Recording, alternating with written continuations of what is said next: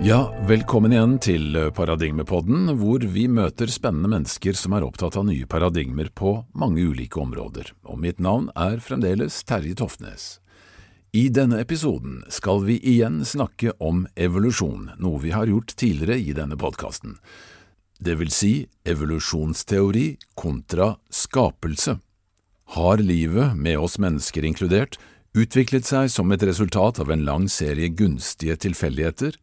Eller står det en kreativ, skapende intelligens bak?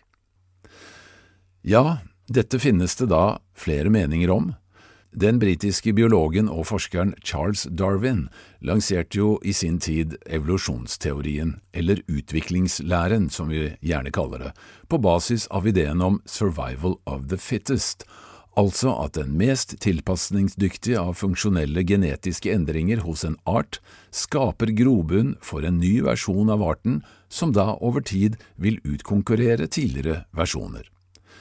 Og ettersom millioner av år har rullet av gårde etter at livet oppsto for om lag 2,5 milliarder år siden på denne planeten, ifølge naturvitenskapen, så har det brakt oss fra en encellet, superenkel organisme til det superavanserte mennesket vi er i dag.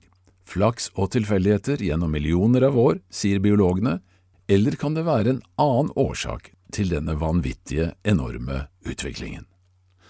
For noen uker siden dukket det opp en rykende fersk bok kalt Darwins evolusjonsteori står for fall, skrevet av nordmannen Roger Nilsen.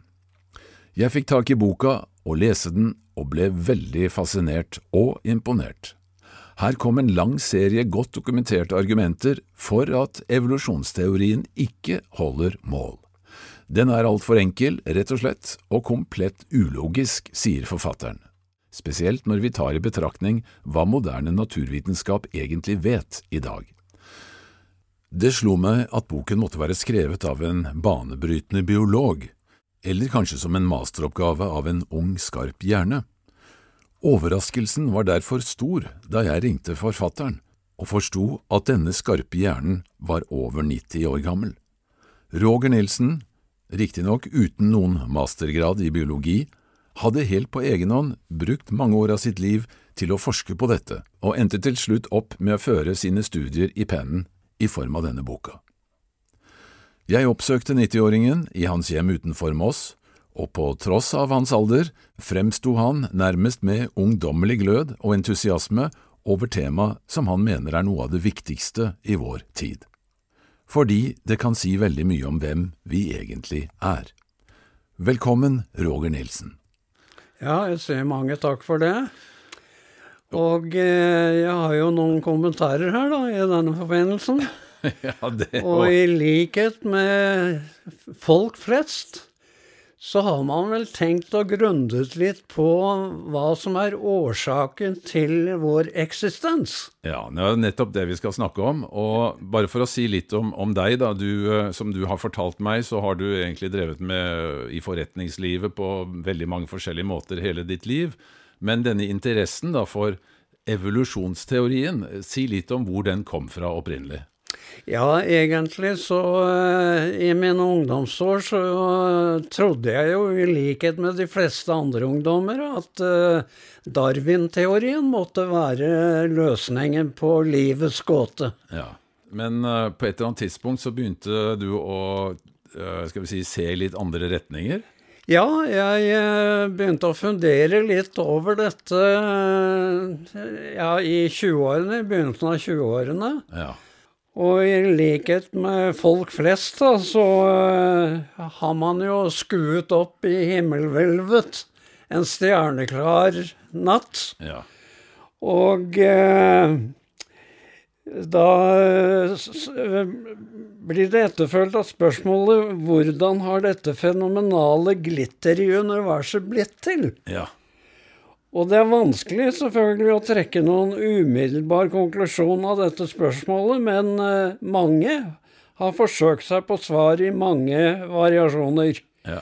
Et vitenskapelig prinsipp som i denne sammenheng er viktig, er prinsippet om årsak og virkning. Ja. Det vil si at enhver virkning må ha en årsak. Ja, logisk nok. Og vi mennesker, vi er jo en slik virkning. I høyeste grad. Og da blir spørsmålet er vi en virkning som følge av en utvikling, eller en skapelse? Ja, Det er dette spørsmålet denne boka handler om. fordi du sier altså at det egentlig må være to alternativer. Eh, Det er jo det, skal vi si, vitenskapen på den ene siden hevder det ene, at eh, alt må være utviklet av rent, rene tilfeldigheter, altså 'survival of the fittest', da, ikke sant? Eh, Eller altså denne teorien til Darwin. Eller så må det da være en skal vi si, slags guddommelig skaper som står bak. Men du, kan du, kan du si litt om eh, altså denne teorien til Darwin? Eh, hvorfor tror du han kom fram til denne type konklusjon, eller denne ideen, som han lanserte for 170 år siden? Ja, det Dette spørsmålet har jo vært uh, vurdert i årevis av evolusjonister. Ja. Og uh, man kom jo da frem til én ting som Darwin la veldig stor vekt på, ja. nemlig fossilene. Fossilene, ja.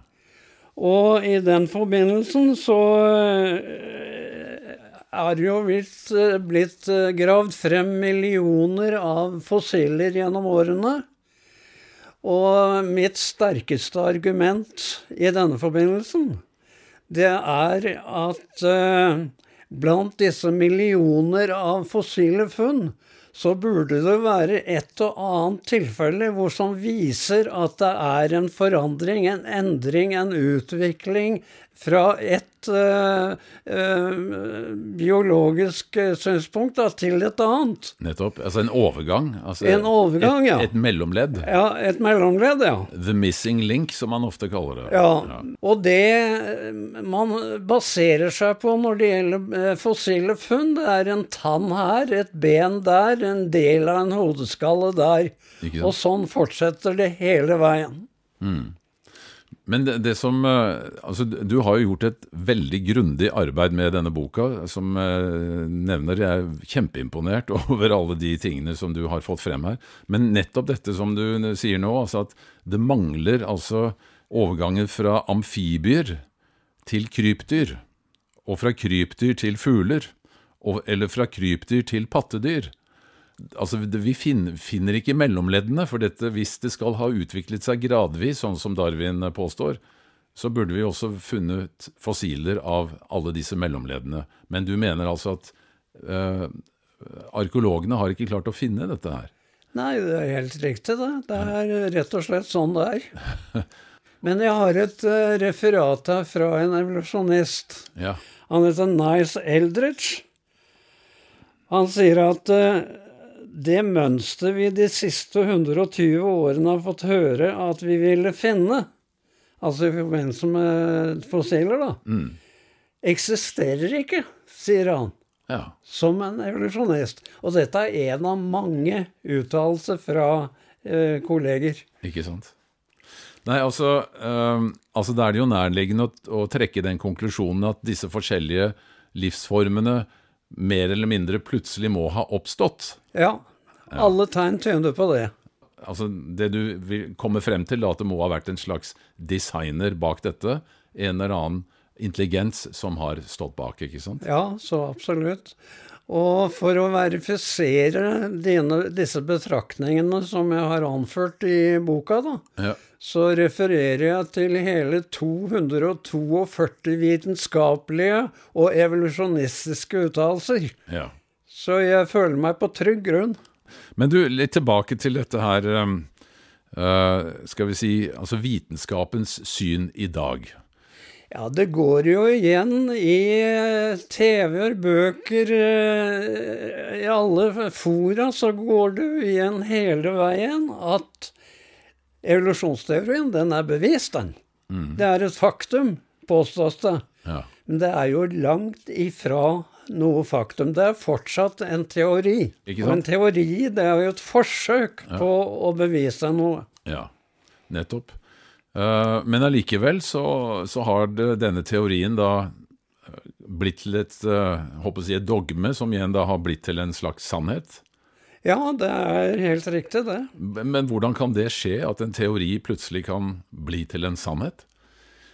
Ja, det er eh, som f.eks. For mm. i forbindelse med lanseringen av dette Ida-fossilet i 2009, mm. så var det jo rene sirkuset rundt dette. Ja. Og det skriver jo avisene selv også. Og det ble jo markedsført som The Missing Link. Mm.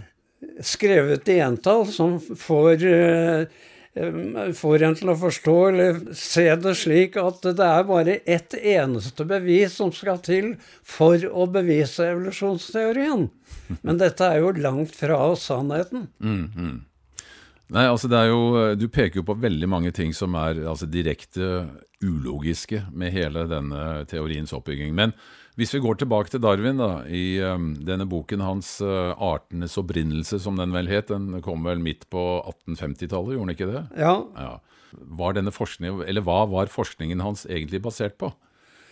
Ja, den var jo basert på studier av uh, dyreliv, da, og, og forskjellige ja, arter. Mm. Som han fremførte da som beviser. Jeg kaller det beviser i gåseøyne, jeg, da. Mm. F.eks. når det gjelder øyet. Altså Hvis jeg da skal sitere direkte fra boka di, f.eks. at øyets netthinne har altså ti millioner staver og tapper. Ikke ja. sant? Og hvis du skal regne om det til, eh, til et, la oss si et fotografiapparat, da, da, snakker vi jo om piksler og megapiksler i moderne fotografiapparat, ikke sant? Ja. Og noen av de mest moderne fotografiapparatene, altså de mest avanserte Nikon-apparatene f.eks., de har altså opp mot 25 eh, megapiksler, som tilsvarer altså 25 millioner piksler. Mens øyet da, eh, har da fire ganger så mange eh, piksler hvis du skal eh, se det i denne sammenhengen. Ja. Men eh, ikke bare det at det er fire ganger så mange, men det er jo konsentrert på et utrolig mye mindre areal enn det som er inni et fotografiapparat. Sånn at eh, Og i tillegg til at øyet da har 100 megapiksler i sin opplysning, så utfører også da nevronene, som du skriver i boka, 10 milliarder beregninger i sekundet. Du konkluderer med at dette er så uh, helt hinsides uh, skal vi si, all fornuft at dette skulle ha oppstått ved en tilfeldighet. Ja, jeg kaller det rett og slett ulogisk tankegang. Eh, det er jo også en annen som har skrevet en bok om dette, som på norsk heter 'Darwin på retur'. En som heter Michael Behe. Og han, han kaller jo for Eh, paradokset med ikke-reduserbar kompleksitet. Fordi, som du også da skriver i boka di, eh, tilbake til dette øyet, at det er så mange systemer i øyet som må funke samtidig. Altså Øyet har jo da en, en eh, altså grovt fortalt da, en, en, linse, ikke sant. Først da en hinne som dekker over selve øyeeplet, og så er det en linse, og så er det da en netthinne som registrerer dette lyset. Uh, Riktignok opp ned, det snus da den andre veien når det kommer inn i hjernen. Men uh, disse systemene, for at det skal funke, og for at denne linsa da hele tiden skal kunne korrigere seg, avhengig av hvor langt unna objektet er som du ser på, så kreves det for, for det første da et enormt samspill av muskulatur for å hele tiden korrigere denne linsa. Og så skal dette da registreres bak på netthinna, så skal det omsettes til nervesignaler som sendes til hjernen. Og som eh, du da sier, altså alle disse tingene, eh, alle disse systemene, da, utrolig komplekse systemene altså Bare også dette, må nevne dette med iris, ikke sant? at vi har nærmest en slags lukker foran øyet som da sørger for at det ikke kommer for mye lys inn hvis det er et solskinn, og som åpner opp og slipper inn mer lys når det er litt mørkere. Den refleksen i seg selv er også da helt automatisk styrt, ikke sant? Og alle disse systemene må være til stede samtidig for at dette skal funke. Eh, hvis ett system ikke funker, så funker ikke helheten. Så dette må jo da eh, ha utviklet seg parallelt. Og det er jo også da, som du påpeker i boka di, det store paradokset. Hvordan skulle det være mulig hvis det bare er rene tilfeldigheter og enkeltmutasjoner som skjer da i tilfeldighetenes store spill? som skulle ligge bak denne utviklingen av noe som er så sinnssykt avansert. Altså mye, mye mer avansert enn det vi har klart å konstruere med våre teknologier. Nei, etter min mening så det sier seg selv, ikke sant, dette her. Mm. Nå har det jo vært veldig mye graving i jorda de siste 200 årene, spesielt de siste 50 årene, overalt. Hvor man har funnet eh, fossiler av ulike livsformer som er eh, utdødd, og også noen som fremdeles eksisterer. Men som du sier, man finner ikke mellomleddene. Og um, nå er det jo også sånn at uh, det uh, En ting er disse livsformene som allerede da har på en eller annen mystisk måte oppstått. Men så er det helt tilbake til hvordan livet egentlig har oppstått i utgangspunktet. Kan du si noe om det? Hva, hva er dine tanker rundt det? Jeg kan vel eh, kommentere følgende, nemlig det at det største problemet evolusjonistene har, det er starten på det hele. Ja. Den første celle. Den eh, ble til ved en tilfeldighet, ble det sagt. Men her kan jeg referere da til en fransk vitenskapsmann som heter Louis Pasteur. Ja. Og han og hans kolleger beviste vitenskapelig at liv kun kommer fra eksisterende liv. Ja. Så det er et stort problem for evolusjonistene, og det er ingen som kan forklare det annet enn at det er tilfeldigheter. Mm. Og det er søkt. Ja, det er søkt. Altså, det er um, Altså, Vi vet jo f.eks. at, uh, og det har jo vitenskapen vist, at når uh, celler deler seg, som de gjør hele tiden uh, når ting vokser, og også når ting skal vedlikeholdes, f.eks. i kroppen vår, så skjer det av og til det vi kaller for mutasjoner. Altså at det, en, det blir en feil. da. Den nye kopien av, av arvestoffet eller DNA det får en liten endring. Eh, pga. en tilfeldighet i celledelingen. Nå er det jo innebygget systemer da, som retter på dette. Og hvis en celle overlever eh, med denne feilen og ikke blir rettet på, så kommer da våre immunceller og, og dreper den cellen. Men det som de sier, da, er at i 99,9% av tilfellene hvor det er, oppstår mutasjoner, så er det et skritt bakover.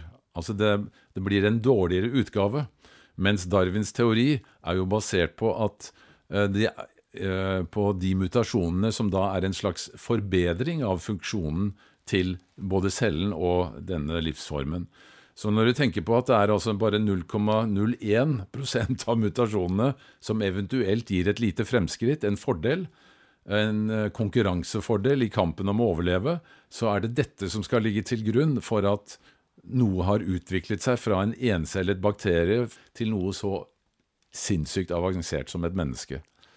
Ja, det skurrer. altså Jo mer du begynner å se på detaljene, jo mer skurrer det. Eh, for 170 år siden så var dette kanskje en plausibel forklaring, men i dag så virker det jo, med det vi vet i dag, da, fordi vitenskapen har utviklet seg mye lenger, så virker jo dette, som du sier, totalt Nei, ulogisk. Sånn er det. Ja.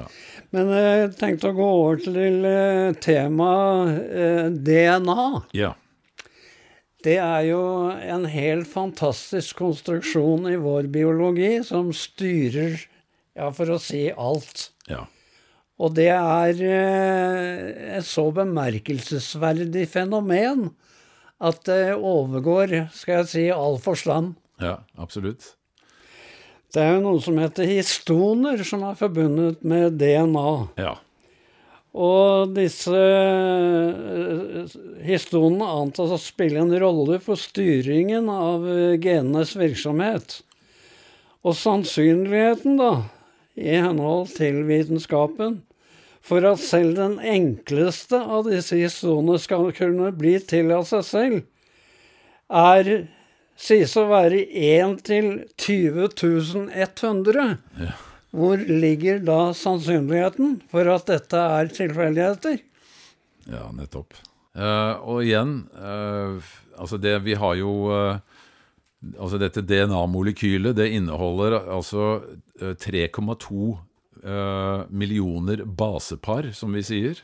Som er altså disse denne, Det ser ut som en stige, ikke sant? Denne, dette DNA-molekylet med altså sånne stigetrinn. To parallelle strenger med stigetrinn imellom. Og disse stigetrinnene er det da 3,2 millioner av i, i, vårt DNA. Og eh, så har vi da kombinasjoner av disse stigetrinnene som utgjør våre gener. Og vi har altså 23 000 gener, eh, har man da funnet ut. Dette i seg selv er altså så helt sinnssykt eh, komplekst at det er helt ubegripelig at det funker. Også hver gang det skal lages et protein da, i cellen, så må noe lese av disse genene. Og Der har du også et poeng med det som vi kaller for altså R, eh, RNA, som er da denne, eh, dette, disse proteinene som leser av eh, DNA-koden for å lage nye proteiner. Og dette er bare en lang, lang serie av eh, skal vi si, tilsvarende eh, elementer som er helt skal vi si, mirakuløse, sett med våre logiske briller, da, for å si det sånn. Eh, men du har også en del andre argumenter som eh, du har eh, utdypet i boka di.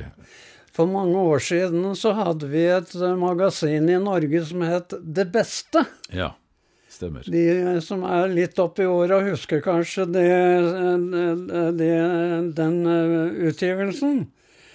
Og der sier en biolog, Edvin Gørklin, det er like stor sannsynlighet for at livet har oppstått ved en tilfeldighet, som at det skulle kunne skapet et stort leksikon ved en eksplosjon i et trykkeri. ja. Og det betyr jo da langt fra virkeligheten. Ja. Vi har en stor kløft når det gjelder dette med tanken på evolusjon eller skapelse. Ja. Og fysisk sett passer den generelle definisjonen av et pattedyr på menneskene. Men en evolusjonist uttalte det kan ikke gjøres noe mer tragisk mistak enn å betrakte mennesket som bare et dyr. Mennesket er unikt. Mm. Og det skiller seg ut fra alle andre dyr i mange gjenseender, f.eks. når det gjelder taleevnen, tradisjoner, kultur og en svært lang periode med vekst og omsorg fra foreldrenes side. Ja. Og dette er da referert til uh, en som vet hva han snakker om. Mm, mm. Og det, dette setter jo da mennesket i en særstilling, fortsetter han, er forholdet til andre skapninger på jorden, og det er hjernen. Mm -hmm. All den informasjonen som er lagret i de om lag 100 milliarder nevroner i menneskehjernen, ville fylle omkring 20 millioner bøker. Så hjernen, det er, det er noe helt enestående. Mm. Jeg tenker f.eks. på taleevnen. Ja. I forhold til en sjimpanse som bare brummer. Mm, mm. Nei, så det er mye å tenke over her. Hvis det må et intelligent vesen til for å skape og programmere en livløs robot, hva må da til for å skape en levende celle? For ikke å snakke om et menneske. Ja. Igjen, når man studerer detaljene inni en menneskelig celle, så blir man også da slått av hvor mirakuløst uh, det ser ut til å være. Fordi at det er hele tiden en eh, veldig mange kjemiske eh, og energetiske balanser inni en celle som, eh, som vedlikeholder seg selv. Eh, og jeg har jo ofte stusset på hva slags styringssystem er det inni her som sørger for disse balansene. Og jeg tenker også på hva slags styringssystem er det som gjør at kroppen har en stabil temperatur, at blodet har en helt uh, stabil uh, surhetsgrad, altså på 7,365. Eh, Hvis du endrer den med en liten tiendedel, så, så, dør du. Det er altså reguleringssystemer inni kroppen på så mange nivåer som, eh, som er helt eh, essensielle for at vi i hele tatt skal klare å leve. Eh, og igjen, eh, hvis du begynner å tenke sånn logisk på det, hvis dette skulle ha utviklet seg trinnvis, bit for bit, så, så, så ja, det, det rimer ikke, rett og slett. Noe annet som det også er verdt å ta i betraktning, det er eh, liv som starter med en sædcelle og en eggcelle. Og den prosessen som starter da, Den, eh, dette underet begynner jo da i livmoren. Mm. Og tre uker etter unnfangelsen begynner hjernecellene å dannes. Og de har sine vekstspurter. Til sine tider dannes det opptil 250 000 celler i minuttet. Ja. Etter fødselen fortsetter hjernen å vokse og danner sitt eget nettverk av forbindelser. Og med tiden så er det omkring 100 milliarder nerveceller som kalles nevroner, og andre typer celles pakkes sammen i menneskehjernen, selv om det bare utgjør 2% av kroppsvekten. Og dette er virkelig noe å tenke over. ja, da må vi bruke alle disse nervecellene til, til, å tenke, tror jeg, hvis vi skal skjønne dette. Uh, en uh, annen forsker sier at uh, vi er ikke bare gløgge aper. Vårt sinn skiller oss i kvalitativt henseende ut fra alle andre livsformer. Mm. Og en vitenskapsmann som sa at uh, det som særmerker menneskehjernen, er dens evne til å lære så mange forskjellige spesialiserte virksomheter. Og språket er jo særegent for uh, menneskene. Mm, mm. Eh, språket er et eh, eksempel på vår, våre iboende evner, som vi i høy grad kan utvikle ved programmering. Mm. Spesialistene er enige om at menneskets hjerne er genetisk programmert med tanke på utviklingen av språk, og at taleevnen bare kan forklares på grunnlag av en iboende evne til å behandle språk i hjernen vår. Mm. En språkforsker sa at forsøk som har vært foretatt eh, med sjimpanser og tegnspråk, viser at sjimpanser ikke engang er i stand til å lære de mest rudimentære former for menneskespråk. Og kan en slik forbløffende evne ha utviklet seg fra dyrenes grynting og brumming? Studier som har vært gjort av de eldste språk, viser klart at det ikke har foregått noen slik utvikling av språk. En språkspesialist sa det finnes ikke noe primitivt språk. Mm, mm, mm. Altså, det språket vi snakker, det er ganske så originalt og opprinnelig. Så det har egentlig bare også plutselig oppstått, da? Men uh, Roger, uh, du har jo da brukt uh, mange år av ditt liv på å studere dette. Hva er din Hva tenker du om hva som egentlig ligger bak? Etter mange års studium av også komme litt inn på den filosofiske delen av mitt liv, mm så eh, tatt i betraktning alle de argumentene som vi nå har gitt her, så har jo konklusjonen rett og slett blitt at eh, svaret på livets gåte må være skapelse. At livet er skapt? Altså med andre ord at det finnes en gud, en intelligens, bak det hele. Mm, mm. En, eh, altså en slags arkitekt eller designer? Man kan godt kalle det en arkitekt. En stor arkitekt. Mm, mm. Nei, fordi altså når du tenker på hvor mange milliarder forskjellige livsformer som finnes bare på denne planeten Og eh, nå vet vi jo at eh, disse nye romteleskopene har jo vist oss at vi lever i et helt vanvittig stort univers, hvor eh, bare i den synlige delen, som vi kan eh, observere så langt, så er det vel eh, oppdaget noe sånt som 2000 milliarder galakser.